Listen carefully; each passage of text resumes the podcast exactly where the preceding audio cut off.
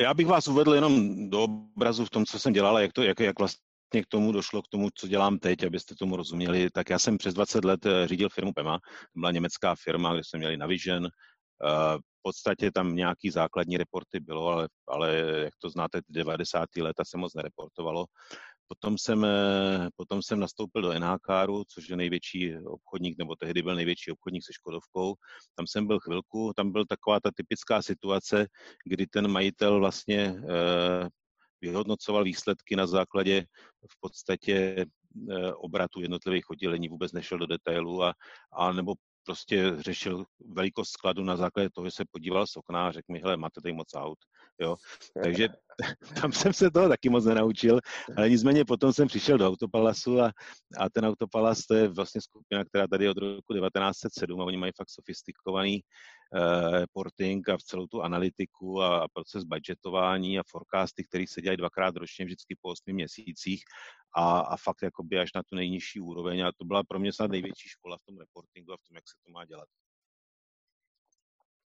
Následně jsem byl Následně jsem šel eh, pomáhat na tři měsíce do firmy Kessler a to byla firma, která, která je největší dealer Renaultu a, a Dacie v, na Slovensku a v té době ten majitel to prodával. A vlastně ta firma neměla byla, byla prostě podobně řízená jako, jako spousta těch firm, které mají soukromí vlastníky, který to kdysi založili. To znamená, že ty procesy nebyly úplně dobře, nebyl tam žádný budget, žádný reporting a vlastně my jsme tam proto, aby to ten nový majitel mohl koupit, tak jsme potřebovali nastavit celý ten systém toho budgetu, toho reportování, aspoň v nějaký takový jednoduchý verzi, aby, aby, to, aby to ti zaměstnanci zvládli, aby to pro ně nebyl obrovský skok.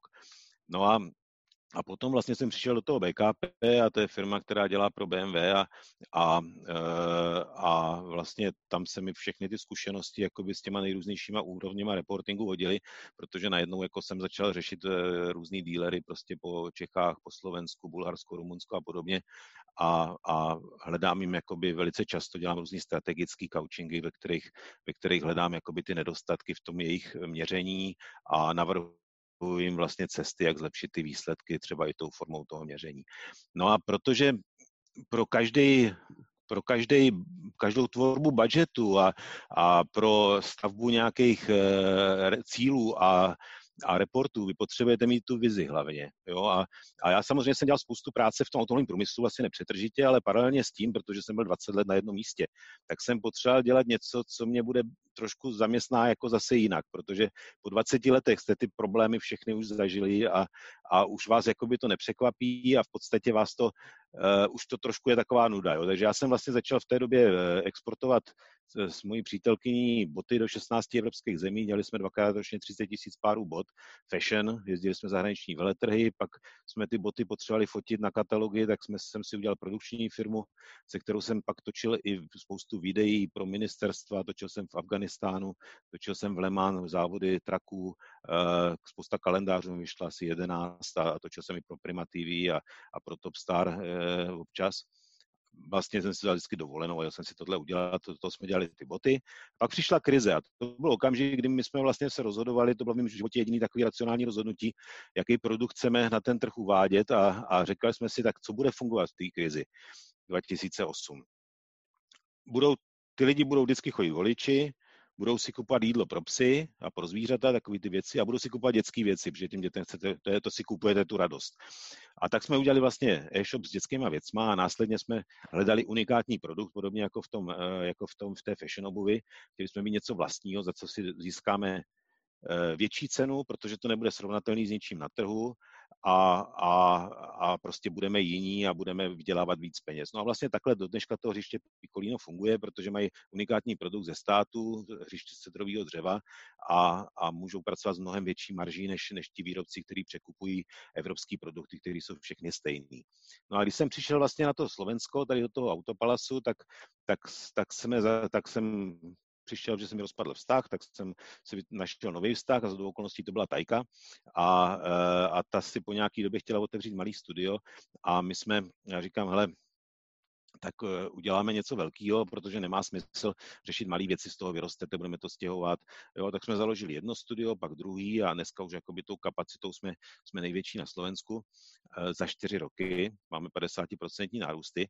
A tady zase jsme do toho šli s nějakou jasnou strategií. My jsme si řekli, že chceme že chceme pracovat s rezidentama, to znamená s lidmi, kteří žijou v tom regionu. Umyslně jsme to studio neumístěvali do centra, kde je spousta turistů, ale, ale šli jsme vlastně na kraj Bratislavy do, do hezkého prostředí a, a že chceme mít eh, zákazníky, kteří mají vysokou retenci, to znamená, že nebudeme pracovat se sledovými portálama a podobně.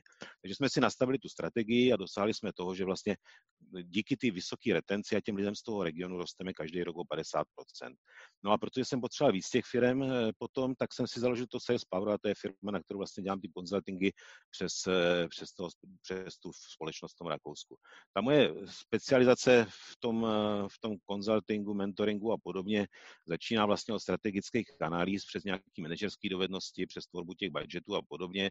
Já mám takový svůj produkt, který mu říkám vyvážené řízení dealerství, protože většina těch ředitelů buď to pochází z poprodejních služeb nebo z prodejních služeb a vždycky na tom dealerství je vidět, že tam něco funguje a něco tam nefunguje. Jo, přijdete před dealerství, vidíte, že tam stojí před, před, před vchodem do showroomu zákaznický auta, tak nej, z největší pravděpodobností ten ředitel dealerství je z, z after sales, protože tam nemá ty dema, který by tam měl ten ředitel. Jo? A, prostě, a teď já se snažím naučit, jak to dělat správně, prostě co vylepšit a prostě jsou tam různý prostě eh, situace, ve kterých jsem vlastně eh, trénoval eh, vedoucího prodeje na budoucí pozici ředitele a podobně a, a dneska, to, dneska to fantasticky funguje, že ty lidi jsou dobře připraveni.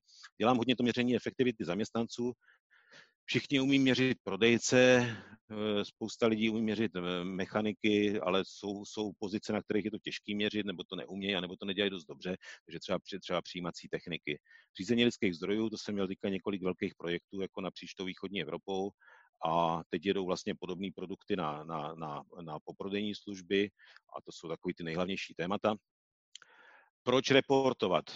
Já si uvědomuji, že tady máme samozřejmě spoustu lidí, kteří jsou na vysokých manažerských pozicích, kteří nás možná sledují, ale tady je spousta lidí, kteří třeba nemají tyhle úplně ty zkušenosti, anebo, nebo jsou v soukromých firmách, kde třeba se tomu reportingu, prostě, kde se s tím pracuje víc intuitivně a nedává se tomu takový význam. Takže ten reporting vám dává určitou stabilitu. Prostě, jo. Dává vám to možnost eh, odjet a mít přehled o tom, co se děje, protože ty čísla máte pořád dostupný. A mě to dává i určitý klid, protože když vidím ten dlouhodobý vývoj těch firm a vidím, jak to roste ve všech těch oblastech, tak si, protože já vlastně každý den jdu spát eh, každý den, žiju celý den ve stresu, že vlastně vyděláváme málo, že tam máme málo lidí a večer to sečtu a zjistím, že to je vlastně úplně v pohodě, jo. A, a když to pak vidím dlouhodobě, jo, a dám si tu analýzu za týden, anebo potom za měsíc, tak vidím prostě, že, že to pořád roste, jo. A pro mě jakoby to dlouhodobé sledování eh, je prostě zdroj určitého psychického klidu a, a ujištění se o tom, že vlastně vím, že, že to všechno funguje. Vy vidíte samozřejmě potom efektivitu i jak oddělení, tak těch jednotlivců, pokud to dobře reportujete a můžete si do budoucna simulovat spoustu věcí, protože máte historické data. To vám potom ukážu, jak jsme třeba si simulovali návrat po koroně na tom SPAP, že to je takový jednoduchý a přehledný a, a, a jak jsme se trefili vlastně ve spoustě těch týdnů, který potom následovali. Eh, máte dostupnost historických dat, eh, dokážete díky tomu vlastně plánovat eh, absence zaměstnanců, prostě doby na dovolený, dokážete si podle toho naplánovat kapacitu, kterou potřebujete v těch konkrétních dnech a podobně protože vlastně, jak, jak říkala paní Bilková, to je vlastně úplně stejná situace třeba i v automotivu nebo v tom spa. Vy máte spoustu věcí nastavených na týdenní cyklus, protože ten víkendový, eh, ten víkend je třeba nejsilnější uh, obrat, eh, nebo ve spa, nebo, nebo v případě třeba lakovny klempírny máte nejsilnější pátek, protože v pondělí se přijímají Eh, zákazníci do lakovní klempíry na opravy a většina zákazníků to v pátek vyzvedává. Pokud máte pět pátků v měsíci, máte, máte strašně silný měsíc, pokud tam máte čtyři pátky, máte, máte slabý měsíc. Jo? Proto je fajn prostě si sledovat jakoby eh, různý, podle různých parametrů eh, ty výkony a prostě někdy ten měsíc není vhodný a, a den taky není úplně dobrý, protože středa je slabá a neděle třeba může být zrovna hodně silná.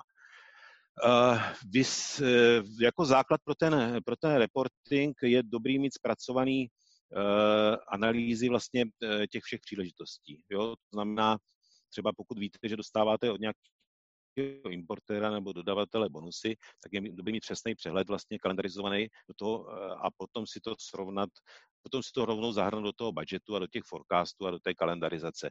Protože pokud se plánuje jenom na nějaký velký čísla, tak v okamžiku, kdy dobře prodáváte a nepřijdou vám ty bonusy, tak to nemusíte ani zjistit vlastně v tom reportu. Zatímco, když máte opravdu analytický, tak tam vidíte, že tam něco chybí. Jo? Takže i když ten výsledek je super, tak pořád tam něco chybí a je třeba hledat důvody proč a jak se tomu do budoucna vyhnout. No, a poslední věc samozřejmě je to měření té efektivity těch marketingových kampaní a to si ukážeme kousek dál, protože vlastně řízení firmy je strašně rozsáhlá činnost. Já jsem tady vzal takový landscape toho, co všechno jakoby ten manager musí dělat a co musí vidět jakoby v té firmě a co musí sledovat a je to strašný, prostě je to strašně moc, takže je ideální samozřejmě si to rozdělit. To znám, to znám.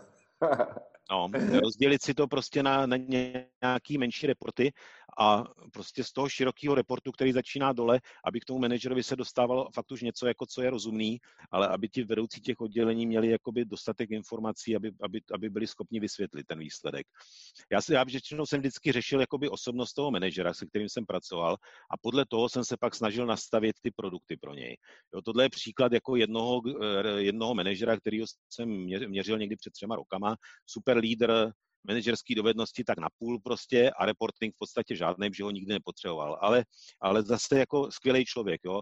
A, a, a, pracovali jsme spolu prostě nějakých 10-12 dní na tom, aby jsme v průběhu třeba půl roku, aby jsme vlastně, aby, aby on pochopil ty důvody toho reportování a abych ho jako naladil na to, že to je správně a že to potřebuje a najednou prostě ty lidi se když se jim to dostatečně vysvětlí a, a oni skutečně cítí tu potřebu a ideálně pokud ještě cítí tlak třeba od majitele, to už je úplně nejlepší situace, tak pak je to strašně efektivní tyhle změny. Já teda ráno, jak, jak říkala paní Bílková, se taky startuju reportama. To znamená, že nejvíc mě zajímá plán jakoby na ten den, abych viděl, jak máme vyčerpanou kapacitu, vlastně kolik toho musíme ještě prodat. A pak samozřejmě si kontroluju uh, Analytics a, a a Google Ads. A zase podobně jako, jako, jako vlastně na tom e-shopu, tak stejně tak v průběhu dne se vždycky podívám do kampaní, podívám se na to, kolik máme volné kapacity a měním nastavení té kampaně podle potřeby. To znamená, jsme plní, tak to stáhnu na jedno euro, aby mi tam už nešly další prachy a když náhodou mi něco chybí, tak řeknu, dobře, tak nedá se nic dělat, přidáme na klíčových slovech, protože to jsou jako, jako zákazníci, kteří hledají konkrétní věci prostě a zkusíme to tam ještě dotáhnout. Mhm. No, samozřejmě maily, prolítnu čety a mrknu na sociální sítě. Jestli jenom můžu takovou, a vlastně, co používáme u nás v agentuře, že u nás máme jako vždycky ráno v 9.06 uh, Daily Huddle, a to vlastně, že se potká celé vedení, je to vždycky jako většinou online, jo, protože jako někdo může být mm-hmm. na mhm. jednom místě, někdo na druhém místě, ale v 9.06 se jako všichni online potkáme a každý řekne, co je jeho, nebo co jsou jeho úkoly na ten, na ten den, co vlastně jako plánuje. Jo. A my jsme si dříve mysleli, že to se dá dělat, dejme tomu, jenom v nějakých IT firmách nebo jenom prostě na nějakých konkrétních jako projektech. Ale pak jsme opravdu zjistili, že jako dá se to dělat pak na úrovni jako celého vedení, kdy jako každý řeší v podstatě něco jako úplně jiného. A nejenom jako, že to samozřejmě pak zavazuje jako toho člověka, který tam jako řekne, hele, dneska musím udělat to, to, to a to, ale jako velmi rychle a si jako i popovídáte třeba, hele, aha, ty budeš řešit tamhle to, a, tak a já, já tam ještě ti upozorňuji na to a to, jo. A trvá to jako ma- maximálně 15 minut, ale hodně často to vyřešíme třeba během 3-4 minut, jo? ale všichni víme, co budeme jako to vedení jako dělat. Jo? Takže tenhle ten jako... Sdílení daily... informací je základ, no. Jo, takže tenhle ten jako daily huddle... My tomu a... říkáme... Doporučuji. Jo, my tomu říkáme map, nasazujeme to většinou těch dílů v okamžiku, kdy, kdy eh, jim zbývá něco málo do cíle a vypadá to, že si na to nesáhnou. Tak třeba na poslední tři měsíce v roce nasazujeme tady ty warm-up meetingy, kdy vlastně ráno buď to ten ředitel nebo ten vedoucí prodej vlastně projde vlastně management by walking around, všechny ty prodejce, zeptá se jich, co, co dělali včera, co se jim povedlo, co mají rozpracovaný a jaký máme program na ten dnešní den. Tak, aby oni opravdu nad tím museli už od rána přemýšlet, protože ví, že ten ředitel tam přijde, že se jí na to zeptá a, a samozřejmě z toho se pak snažíme, jakoby, pak se ten další den jako už jak to všechno dopadlo. Takže to je podobný produkt. Jsou ty lidi pak už jako v extrémním stresu třeba, když se to takhle děje denně? Když jde, no tak jako říkám, že jako krátkodobě před, třeba před koncem roku, aby jo. se dotáhly nějaký výsledky, jo. tak eh, se to dá, no. A nebo se to dělá u lidí se slabým výkonem, že jo. jo. Prostě když ten člověk dlouhodobě podává slabý výkon, tak je potřeba ho vzít za ruku a říct mu prostě, ale no buď to buď to, to bude fungovat, anebo, nebo tě budeme furt otravovat. Ale ne, tak tam je určitě prospěšné jednak, jednak, že ty lidi eh, jako vidí v podstatě v tomhle směru, co se povedlo těm ostatním, tak jako, jako může svým způsobem posunovat, motivovat, určitě to tak je. No a to sdílení informací je prostě, to, to, to je alfa omega. Jako ti zaměstnanci musí vědět, kdo, kdo v té práci je dobrý a kdo má super výsledky, protože ne vždycky ten, který je nejhlučnější, má ty super výsledky, jo. takže je potřeba jim to ukázat, aby oni viděli, na koho, od koho se mají učit. To jsi řekl moc hezky, no ne, vždycky ten, co je nejvíc slyšet a vidět, je ten, ten nejlepší. Jo. No. Takže jakoby ten proces budgetingu asi znáte prostě, začíná se tím, že většinou se vezmou eh, výsledky toho loňského roku, řekneme si, co v které oblasti chceme dělat líp, vytvoříme nějaký, eh, nějaký plán prostě těch nárůstů obvykle a potom se to kalendarizuje do jednotlivých měsíců, většinou podle té historické zkušenosti, Jenom tedy v těch velkých firmách. Se můžu zeptat. No? A na základě čeho vy vlastně jako odhadnete, o kolik to bude růst? Uh, jednak zkušenost, jednak samozřejmě u těch aut třeba jsou to, víme, že přijdou nový modely, jo, nebo že, nebo že naopak nepřijdou, víme, nebo, nebo si řekneme, prostě chceme chceme být vejš, prostě dáme do toho takovýhle peníze do toho marketingu, víme, že e, nějaká marketingová investice nám vygeneruje nějaký objem lídů a, a ty lídy prostě chceme konvertovat do těch obchodů, jo, tam, tam, může být, eh, anebo prostě jako důležitá je ta vize, jo, nemusí to být vždycky to stát úplně, jako je fajn, když to je racionální, ale někdy to nejde vysvětlit a, a, a prostě je potřeba ty lidi dovíst k tomu, no. Okay. Jo, můžeme mít větší sklady třeba než konkurence, takže budeme jako schopni rychleji dodávat. Jo, jako těch, těch cest tam může být určitě hodně. Mhm. Jo, a pak se teda ten, pak se to kalendarizuje podle nějaké historické zkušenosti, eh, z toho se vytvářejí vlastně měsíční plány, nastavení měsíčních cílů a případně týdenních a, a denních cílů a ty se potom reportují vlastně zpátky proti tomu budžetu. Eh, tohle je náhled jakoby horní části eh, budgetu, který jsem dělal v roce 2017. Myslím, že jsem končil s verzí 28. Mělo to 3500 řádků, tady ten výkaz zisku a strá a plus, plus jako další, další stránky. Jako tak, takže tak vypadá jako podrobný budget. To jako je to, je to, je to, je to třeba, že jedna prodaná hodina na servisu vytvoří náhradní díly za, za 40 euro a, a na těch má 25% marži a 9% bonus, tak najednou se vám to vlastně všechno spojí v tom dílerství a zjistíte, jak, jak vám to prostě, jo, že víte, že jste prodali víc aut v tomhle roce, tak budete mít víc zákazníků na servise, jo, a prostě tam je to všechno spojené v tom dílerství, jenom je potřeba být prostě vnímavý a dokázat to dobře číst ty reporty. Takže tímhle způsobem se to vlastně rozdrobí až potom do těch denních cílů, a to znamená přes měsíční cíle, týdenní až do nějakých denních, ale samozřejmě ty věci, které se sledují na té úrovni dnů a týdnů, jsou mnohem méně podrobné než ty věci, které už jsou potom v tom měsíčním výkazu zisku a ztrát a, a dalších věcí. To znamená, vlastně ti zaměstnanci dodávají nějaký obrovský objem informací, tam se to redukuje u těch vedoucích oddělení a k tomu řediteli už potom jdou jenom takový, nebo k tomu šéfovi nějakého holdingu už postupuje jenom nějaký zlomek těch informací a jsou to trošku jiné informace, než se kterými pracují ty lidi pod ním. Tohle je příklad těch třeba vlevo, vidíme eh, jakoby denní aktivitu prodejce, tam se vlastně vychází, nejde, nejde tam vůbec o, o marže a o, zisk. V tomhle okamžiku my vlastně chceme jenom vědět, co ten člověk dělá za ten den. To znamená, kolik, kolika telefonoval novým zákazníkům, kolika starým zákazníkům, kolik udělal nabídek, kolik měl schůzek e, s novými se starými, kolik udělal demojíst, kolik udělal objednávek. Vlastně ten e, prodejní trichtýř. Jenom, jenom prostě neřešíme tu marži. Ten Jo, a ta nás začne zajímat třeba na týdenní nebo na měsíční bázi ale, ale ne vlastně na týdenní. Tady, tady jenom chceme vědět, co ten člověk celý den dělal, protože v okamžiku, kdy my mu rozkrájíme ten, ten velký roční cíl, na ty malinký kousky, tak on to velice snadno jako sloupne. Jo, my řekneme, potřebujeme, abyste měl 500, abyste oslovil 500 lidí za rok, to znamená, to je 1,5 na den, to znamená, že mu naplánujeme dva telefonáty novým zákazníkům denně, což není nic a on poměrně snadno se s tím popasuje, než, než když to nechá na konec roku a bude dohánět těch 500 telefonátů novým zákazníkům.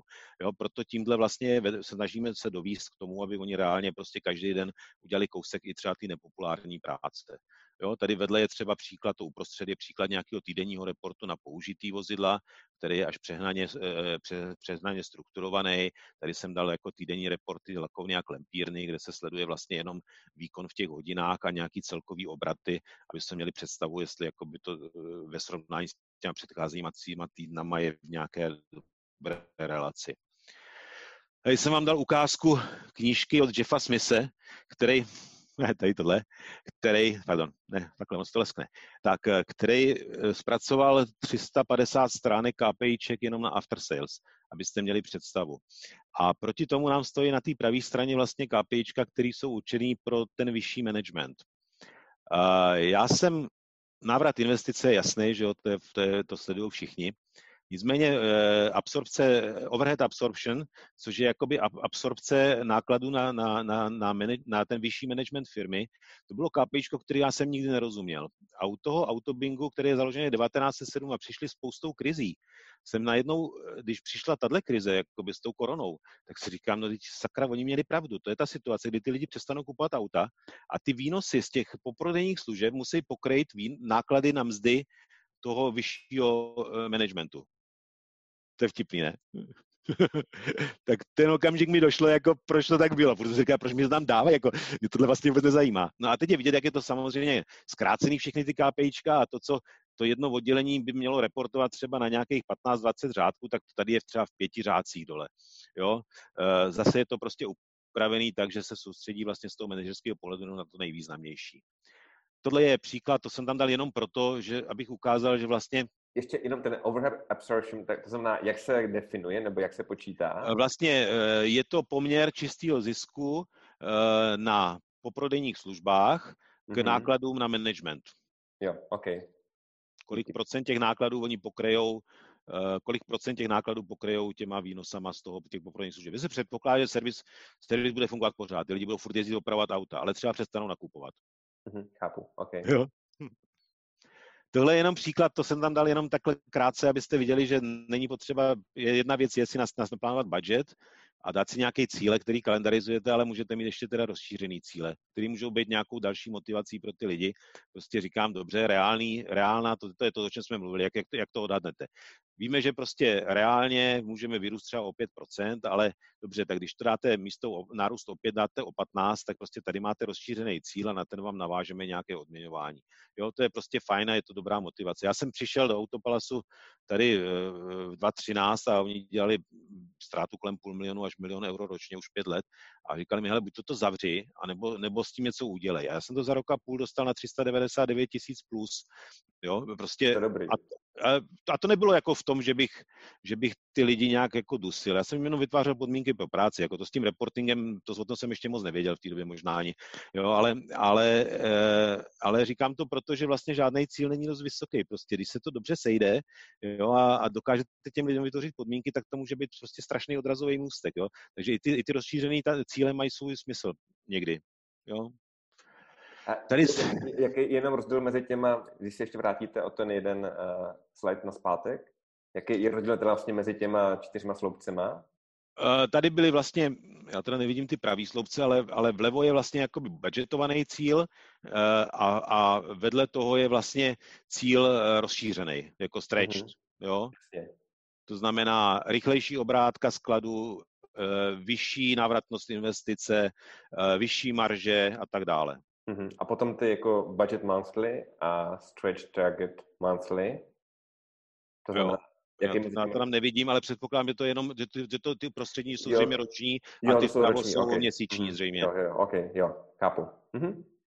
Tady jsem dal jenom příklad toho, jak vlastně vpravo ten, ta, ta nudle je vlastně dlouhá, to je, to je jakoby standardní report, který který používá BMW vlastně, nebo který dává jako doporučený pro dílery. Ale v okamžiku, kdy já k tomu dílery přijdu a oni vlastně nijak nereportují, tohle jde o vojetý vozidla zrovna, tak já jim musím dát něco, co je pro ně stravitelný. To je přesně, jak mluvila paní Vilková, prostě my musíme přizpůsobit ten reporting tomu, co jsou schopni ti zaměstnanci zvládnout. Takže já jsem vlastně to očesal na nějakých 11 základních údajů a pár, pár řádků se vypočítává, abychom byli schopni vlastně začít. Jo? To znamená, jako nejde nejde s tímhle, nemá smysl pracovat tři roky, ale my ty lidi naučíme, že se to dá ten reporting dělat, že to není tak složitý a pak už ho můžeme dělat podrobnější a analyticky. Jo? Je, je fajn prostě začít na něčem, co, co pro ty lidi není velká dřina, je to pro ně přijatelný a vlastně jim to i něco dává, že mají podklad třeba pro mzdy a podobně. Přesně tak, ono je potřeba je na začátku na to navyknout a neotrávit je nějakým, nějakým mega reportem rozsáhlým že potřebujete, třeba jenom částečně. Potřebujete, potřebujete stoupence, že? potřebujete lidi, kteří vás podpoří a, a když budou všichni proti, tak, tak se to hrozně těžko prosazuje. tak tohle je další příklad jako reportu, já jsem to nazval KISS, Keep, keep, it, keep it Simple. A, takhle si reportuje moje, moje přítelkyně e, ve SPA, protože není zvyklá na Excel, že jo, takže má sešit a má to nalinkovaný a, a jede si tam vlastně terapeutky, časy, objemy, částky a, a podle toho potom zpracovává mzdy vlastně. Jo, tam má jako podnech to má po terapeutkách a po návštěvách. Takhle u nás vypadá to, co, to, co je vlevo, to máme nad, nad, nad vařičem. To jsou naše cíle, teda, asi, si to vidíte, tak je to 7.7.2019, Teď už jsme na 1050 hodinách, ale moje přítelkyně vždycky za mnou přijde, jako říká, hele, už jsme to splnili, tak mi to vyměň. Jo, a já jí tady kreslím ty grafy, jak to roste, tam jsou vždycky nějaký prázdniny vyznačený, aby, aby jsme viděli, proč tam je nějaký pokles, aby jsme tomu rozuměli, nebo případně nárůst. Že my vždycky na prázdniny, že víme, že by nám to šlo dolů, tak vždycky dáme větší investice do reklamy a zase místo třeba k tomu Google Ads začne využívat eh, venkovní reklamu a, a levný billboardy prostě v okolí, aby jsme ty lidi zase oslovili trošku jinak, aby jsme je přivedli, protože to, co je v okolí podniku, se velmi snadno oslovuje a má to potenciál ty retence vysoký. Ale fakt je, že ty cíle je super vizualizovat. Tohle jsou fakt primitivní věci, to se nedá srovnávat s tím, co jsme viděli před chvilkou, ale funguje to velmi podobně. prostě. Ty lidi, když vidí, já jsem eh, jezdil dealerům a oni nevěděli, kolik jim zbývá do konce roku uh, prodat aut, aby splnili cíl. Jo. A já vždycky jsem se ptal, nebo, nebo když jsem vedl nějaký deal z toho vedoucího prodeje, já on to nikdy nevěděl, že on se vždycky musel jít podívat. Tak jsme to tady vyvěsili, jak vidíte, jestli to vidíte vpravo, jakoby na tom Renaultu těch 71, nebo co tam je, já mám skovaný za těma monitorama, tak uh, a najednou to věděla celá firma, kolik nám zbývá, že jo, a už jako, už to řešili, jo. Tady ten uprostřed, ten malinká, ta 26, to jsme zase u jednoho dealera udělali trhací kalendář, aby neměli trací kalendář, tak si ho vyrobili a každý, kdo prodal auto, tak si to šel utrhnout. Jo. A teď to ti kámoši viděli a on to měl na stole, že jo, a tu, tu, tu, tu 27 třeba, která tam už není a, a všichni jako viděli, kolik jim zbývá a měli z toho radost a dostali jsme jako do takové hry, jo, a to dole, to je vlastně jako by taky nakreslený, kolik zbývá do cíle, ale tam ještě se doplňovaly jména těch, těch prodejců, aby, aby bylo vidět barevně, kdo jak moc přispěl k tomu splnění toho cíle, což si myslím, že je taky fajn, jo že to ty lidi trošku možná motivuje. Pěkné.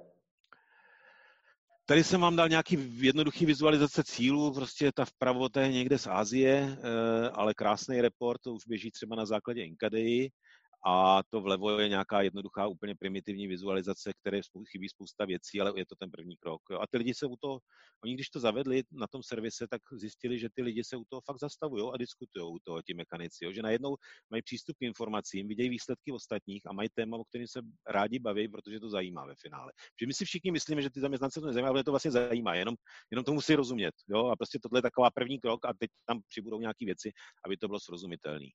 Tohle a... jsou Jaký máte zkušenosti, když jdeme tomu ten jeden zaměstnanec, jako, jestli se můžete vrátit o ten jeden uh, slide na zpátek, tam jsem viděl, že totiž jako někdo má jenom nějakých uh, eh, 402. Mimochodem, ta AV, já vím, že to je zkrátka, která se používá v tom automotiv. To, to jsou časové jednotky, no. Časové jednotky se to překládá. To je, je, to znamená, je to hodina, řekněme? Ne, to je dva, to, v tomhle případě je to jedna dvanáctina hodiny.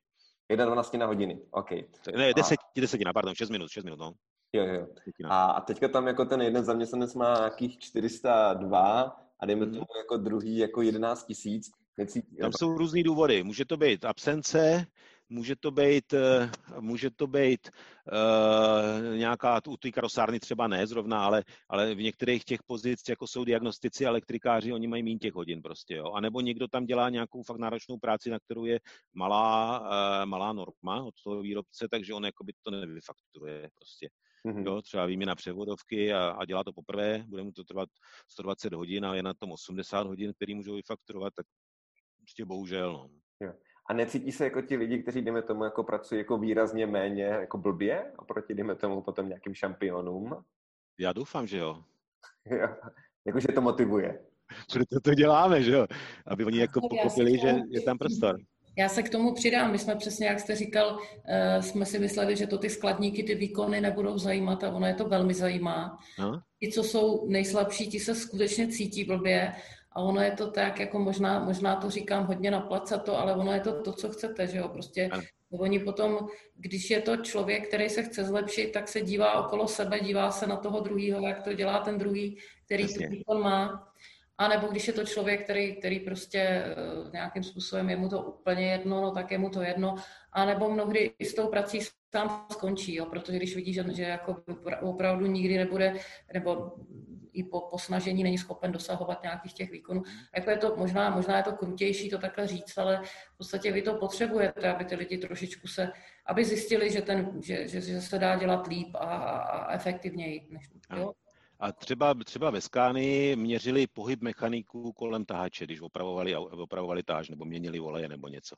A zjistili, že ti nejproduktivnější mají nejméně pohybu, že oni to mají tak naplánovaný, že on vlastně vůbec nechodí, jo? že on prostě to jednou obejde a má všechno hotový. Jo? A ty nejméně produktivní ty furt běhali. Jo? Prostě je to, je to o té organizaci a to je potřeba se učit. Ano, ano, i si uspořádat to pracoviště tak, ano. aby bylo co nejergonomičtější. Je to tak. No. OK, super. Tohle jsou příklady KPIček, tím se asi nebudeme zdržovat. Já jsem chtěl ještě se dotknout tady nějakých asi dvou, tří témat. Tohle je prodejní trichtýř. Eh, prodejní trichtýř nám ukazuje efektivitu prodejního procesu, to znamená od okamžiku, kdy přijde lead nějaký, musíme identifikovat zdroj, po sjednání schůzky, eh, analýza potřeb toho, toho zákazníka, testovací jízda, nabídka, uzavření smlouvy a dodávka v každém tom kroku se něco ztrácí, takže je to takový ten trichtýř. Jakoby, jo. Mm-hmm. A my vidíme vlastně jakoby na těch ztrátách podle typu toho prodejce a obchodníka, čím se zabývá, jak je efektivní. Jo. Ale je potřeba ty prodejce srovnat. Takže to je první věc, na kterou je ten prodejní trichtýř zajímavý. Dneska to dokážou generovat běžný CRM, anebo se to sleduje třeba i manuálně prostě. Ale druhá věc je, že se na tom dají sledovat efektivity marketingových kampaní. To znamená, že vy když víte, že z 20 lídů generujete čist, hrubý zisk 2000 euro, který vidíte dole přes mhm. všechny ty kroky v tom, v tom, v tom tak víte, že prostě eh, že potřebujete, eh, že když dát, eh, jako myslím, já si myslím, že dobrý poměr je, že investice 100% eh, nějakých peněz do kampaně má vygenerovat 200% zisku. Jakoby. To znamená, že dáte 10 000 eur do kampaně, mělo by to vidět aspoň 20, aby to mělo smysl, aspoň takhle to vnímám já. No a vy si vlastně tím pádem dokážete z toho, když víte, že na 20 lídů prodáte jedno auto, tak víte, že prostě potřebujete utvořit kampaň, která vám udělá 80 lídů, aby vám to vytvořilo ten dvojnásobný zisk, než je ten náklad té kampaně. Takže z toho si dokážete, já teda teď zase nevidím ty vpravo ty, ty sloupce, ale, ale vy asi to vidíte, co tam je, tak tam jsou schovaný ty čísla vlastně vlastně, jak jsem, jak jsem k tomu přišel. Ano. Uh, Samozřejmě podle různých kanálů ta efektivita té kampaně bude různá. Nemusí to být vždycky úplně takhle, protože když budete dělat eh, banerovou reklamu nebo soutěž, tak ty lidi, který dostanete, budou mnohem méně efektivní, ale třeba u, u, u klíčových slov prostě tam může být jako velmi vysoká ta konverze, že to už jsou konkrétní lidi, kteří dají konkrétní věci. Jo, ale dá se, tak, dá se s tím pracovat v okamžiku, kdy se jdete prodejní trichtýř, tak vidíte, a když to máte na denní bázi, tak vidíte začátek a konec kampaně a vidíte tím pádem nárůsty v tom počtu těch lídů a dokážete z toho vyhodnotit vyhodnotit ty pohyby, vlastně ty, ty náklady té kampaně srovnat s těma reálnýma výnosama z toho mm-hmm. a ziskem. Ale spíš, že no. třeba počítáte tam nějakou atribuci? Co to je atribuce? OK. Atribuce vlastně znamená, že ten člověk přijde přes eh, několik různých kanálů, jo, nežli potom nakoupí. Jo. To znamená, že dejme tomu, nejdřív uvidí nějaký váš banner, klikne na něj, no. řekne si, aha, jo, tak je nějaký The Spa, pak dejme tomu za týden, když teda jako hledá to, ten masáž, tak si tam vyťuká, jde spát do vyhledávače, klikne, dejme tomu, na placený nebo neplacený odkaz a přijde ale statistika, statistika nemusí být úplně přesná. Někdy je potřeba uh-huh. vidět ten trend. Je to taky v tom budgetu, jako vy nemusíte mít dosáhnout přesných čísel, ale musíte jako dokázat nasimulovat trend a dokázat to uh-huh sledovat stejným způsobem dlouhodobě, abyste, abyste potom si to jako nerozbili, jo, tím, že změníte mm. něco v tom systému. A já si myslím, že ta atribuce k tomu patří a je to takový nějaký jako ne, nevýznamný procento, který to ovlivní, ale... ale... No, někdy může být významný. Ale dobrý, super. Pojď, pojďme dál, protože čas nás trošičku honí. Uh, tohle, tohle byly naše propady vlastně přes COVID v desetitýdenních eh, na NASPA, v desetitýdenním průměru. Já jsem vlastně na základě těch zkušeností, které jsem měl, dělal jakoby týdenní plán toho návratu na ty původní pozice, to znamená, že jsem to vzal od týdne 1 až do týdne 18, jo, a tam jsem si rozložil jakoby Výnosovou kalkulaci jsem si udělal takovou hrubou a takovou velmi obecnou nákladovou kalkulaci, kdy jsem to dal do týdnu, že ten týden je pro nás důležitý a pak samozřejmě nějaký vývoj těch závazků, které nám po covidu zůstaly. Je zajímavý, že jako díky ty zkušenosti, my jsme teda začali, to oranžový je, je plánovaný příjem, zelený jsou plánované náklady a ta, ta žlutá, jestli to máte taky žlutý jako já, tak to jsou ty reální, reální příjmy. A je zajímavý, že jako až na nějaké ustřelení tam vlastně na tom, v tom šestým, sedmým měsíci, šestým, sedmým týdnu vlastně jsme se třeba v posledních osmi týdnech jsme se trefili pětkrát, jako úplně přesně do toho, co, co jsem tam na, naforkastoval. Takže jako dá se z toho vyvodit, že fakt to má smysl, že fakt dokážete v nějaký v případě nějaký krize si velmi realisticky naplánovat, a to jsem to dělal si myslím konzervativně, to je na tom trošku vidět, ale, ale dokážete si fakt naplánovat a máte větší klid. Jo. V okamžiku, kdy máte plán, tak dokážete uklidnit všechny kolem sebe, od věřitelů přes eh, zaměstnance a přes další prostě a i sebe uklidníte. Jo. A to je na tom super, protože vystavíte eh, plán na základě nějakých reálných zkušeností víte, že to tak nějak v největší pravděpodobností bude a dokážete to velmi přesvědčivě odprezentovat potom i těm lidem kolem. Mm-hmm, okay. A tam ten pokles na tu nulu, to předpokládám... To ještě jsou měsíce, které nemám, ne, to jsou týdny, které ještě nejsou, že máme 18 týdnů od covidu. Od ukončení karantény na Slovensku, no. Okay, super. Tohle jsme vlastně o tom mluvili, to je jako vývoj v těch jednotlivých dnech v týdnu. To je taky super věc právě u těchto specifických produktů, jako jsou e-shopy nebo my, kdy my víme, že prostě některý dny v tom týdnu prodáváme v průměru mnohem víc, dvakrát tolik třeba, ne, nebo o 50% víc než jiný dny. Takže podle toho plánujeme tu kapacitu těch zaměstnanců a to je, to je myslím, zcela identický, jak to funguje i jinde. Jo, mm. takže je fajn, já to sleduju třeba rok a půl asi jenom, tuhle tu statistiku, ale nicméně tady třeba vycházím z posledních sedmi týdnů, protože si myslím, že přece jenom se to hodně mění, jako, jo, že, že vlastně to, co bylo typický před rokem, úplně není typický dneska, jo, prostě, že nám vypadává středa, chodí nám i lidi v sobotu, předtím chodilo nejvíc lidí v sobotu, teď chodí nejvíc v neděli zase, jo, že se to mění, ale, ale zase je to fajn prostě, že máte správný počet lidí, že jo, ve správnou dobu. A tady je jenom pár takových typů, prostě volte data, když začnete s reportingem, který jsou dobře dostupný a dlouhodobě jste schopni je získat jako ve stejném formátu, abyste nemuseli to tvořit. Jo. Všechno, co musíte počítat, strašně zdržuje. Já jsem musel reportovat strašných věcí svým šéfům týdně a, a musel jsem to generovat prostě přes Excel, prostě jedno číslo každý týden do, do tabulky, která měla 20 čísel a stejně to nikdo nečet. Jo. Je to, je, chce to fakt si tam vytvořit něco jednoduchého, aby to fungovalo. Když nemáte čas dělat velký budget, já se soustředím na výnosovou část, protože si myslím, že ty náklady vy stejně máte dost pod kontrolou a je nepravděpodobný, že tam něco reálného najdete, pokud ta firma je normálně vedená. Ale v té výnosové části je mnohem víc prostoru. Jo? A když začnete analyzovat skutečně do detailu a zjistíte si, co v těch jednotlivých výnosech jsou jakoby ty, ty, ty položky, tak tam můžete najít strašné rezervy. Když si řeknete, tohle je možný, tohle děláme, proč to tak je. A navíc samozřejmě vždycky je lepší výst ty zaměstnance k tomu, ne, že jim očešete náklady, ale že jim necháte ty náklady, to jsem tam někde taky dal, jako podíl z hrubého zisku. Jo? To znamená mzdy, nemají být absolutní částkou budgetovaný, ale měli by vycházet z podílu na zisku hrubým. Jo? To znamená, řeknete, dobře, 40% hmm. z toho hrubého zisku budou mzdy, a, a pak už tam, pak už jako ten vedoucí oddělení ví, že se tam může pohybovat, prostě dá jim nebo víc, ale, ale má to limitovaný tím, co vytvořil. Mm. Jo, to, to mám radši prostě tu, tu, tu vazbu nákladu na, na, na jakoby procentuálně na podíl ze zisku, než to fixovat e, vlastně na nějakou pevnou částku a tady se musíme dostat pod 100 tisíc a, a prostě víc tam nebude. Jo, dej, dejme mhm. těm manažerům prostor, ať zvednou zisk a pak samozřejmě si oni vytvořili prostor pro to, aby měli víc peněz k dispozici. Uh, umožňuje nám to... Uh, je no. to třeba, protože třeba u nás je to vázaný v podstatě na nějakou marži, jo, protože jako zisk no. je strašně jako vágní pojem. Jo. To znamená, no. že doporučujete, jako jak se na to díváte, když je to třeba vazný na, na Takže zvedneme objem, zvedneme buď to, buď to, tam je vždycky jakoby spousta prvků v té marži. Mm-hmm. Jedna část jsou samozřejmě jakoby zisk na tom vozidle, nebo hrubá marže na vozidle, pak máte zisk třeba na, na leasingu, na prodej leasingových smluv, na prodej financování, na upsellingu, na prodej náhradních dílů. Uh, jo, a teď tam může být prostě spousta drobných dalších produktů. Výkup vozidla, že jo, to je další marže, kterou oni můžou vytvořit, prostě, že to vozidlo potom zase prodají, starý auto vykoupí, prodají to dál. Jo, a stejně tak je to ve všem. Jako, ale samozřejmě principiálně jde o to, že zvýšíte objem, a tím pádem ta marže, pokud neklesne samozřejmě, což, což by neměla, to by bylo špatně, tak, tak vám vytvoří větší prostor pro to, abyste ty, aby ty náklady odpovídaly prostě tomu nárůstu, který je v tom obratu. Jo. První, co bylo, jsem přišel do jedné firmy, tak mi majitel říká, jak, jak, mi, jak, mi, jak zajistíte, abyste nám snížil mzdy. Já říkám, to neudělám.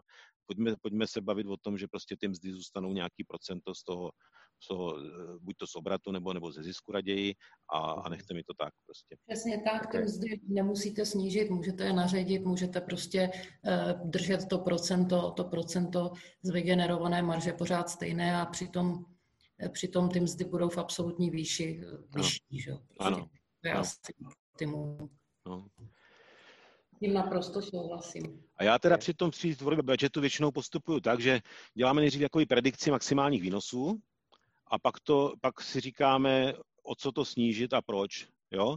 Protože řekneme, dobře, tady máme, můžeme dostat bonusy třeba, já nevím, 20 milionů korun, ale minulý rok jsme dostali 10, to znamená, že když budeme dobří, tak to bude 60% z tohohle, takže konzervativní odhad udělejme 60 a dejme tam jenom tohle. Jo? Mm-hmm. Takže jakoby my si nasimulujeme maximální výnosy a pak je snižujeme zpátky na nějakou konzervativní hodnotu, která je přijatelná, která je reálná.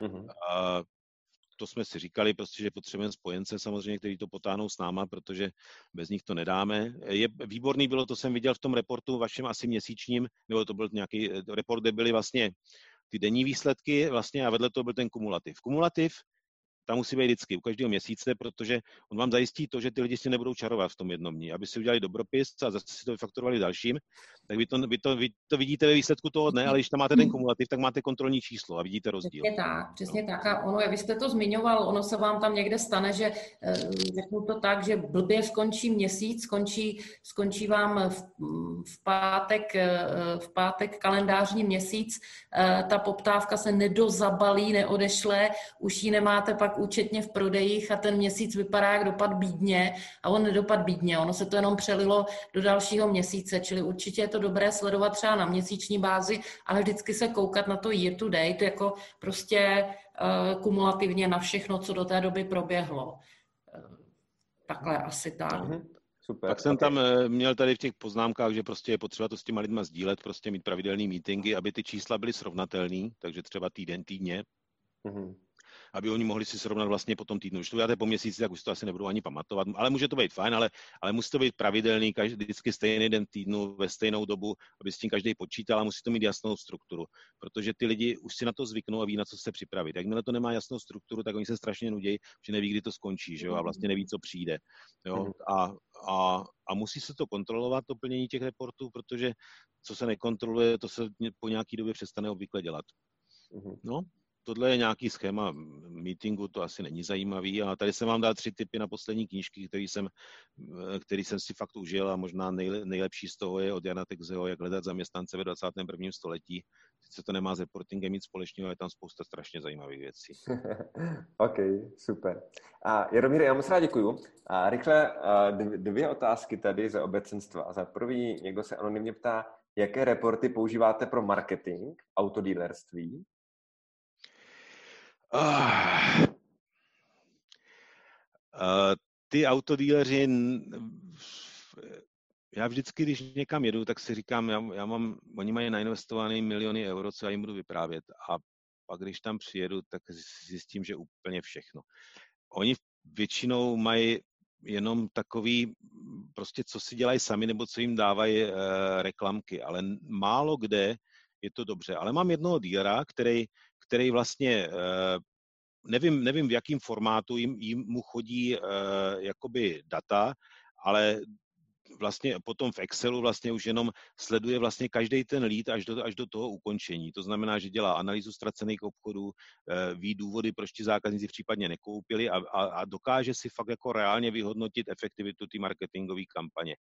Ale ne, nemyslím si, že, protože jakoby sami ti importéři úplně jako je to moc nezajímá, jak ty kampaně těch dílerů jsou efektivní, takže oni jim ten software nedávají a ti díleři to v podstatě řeší tak jako dost spontánně. Někdo má třeba call centra, tak to call centrum je schopný vlastně od začátku zařadit ten lead jakoby správně a přidat tomu zákazníkovi a běží to v nějakým CRM, což asi je ten nejsprávnější postup, že jo.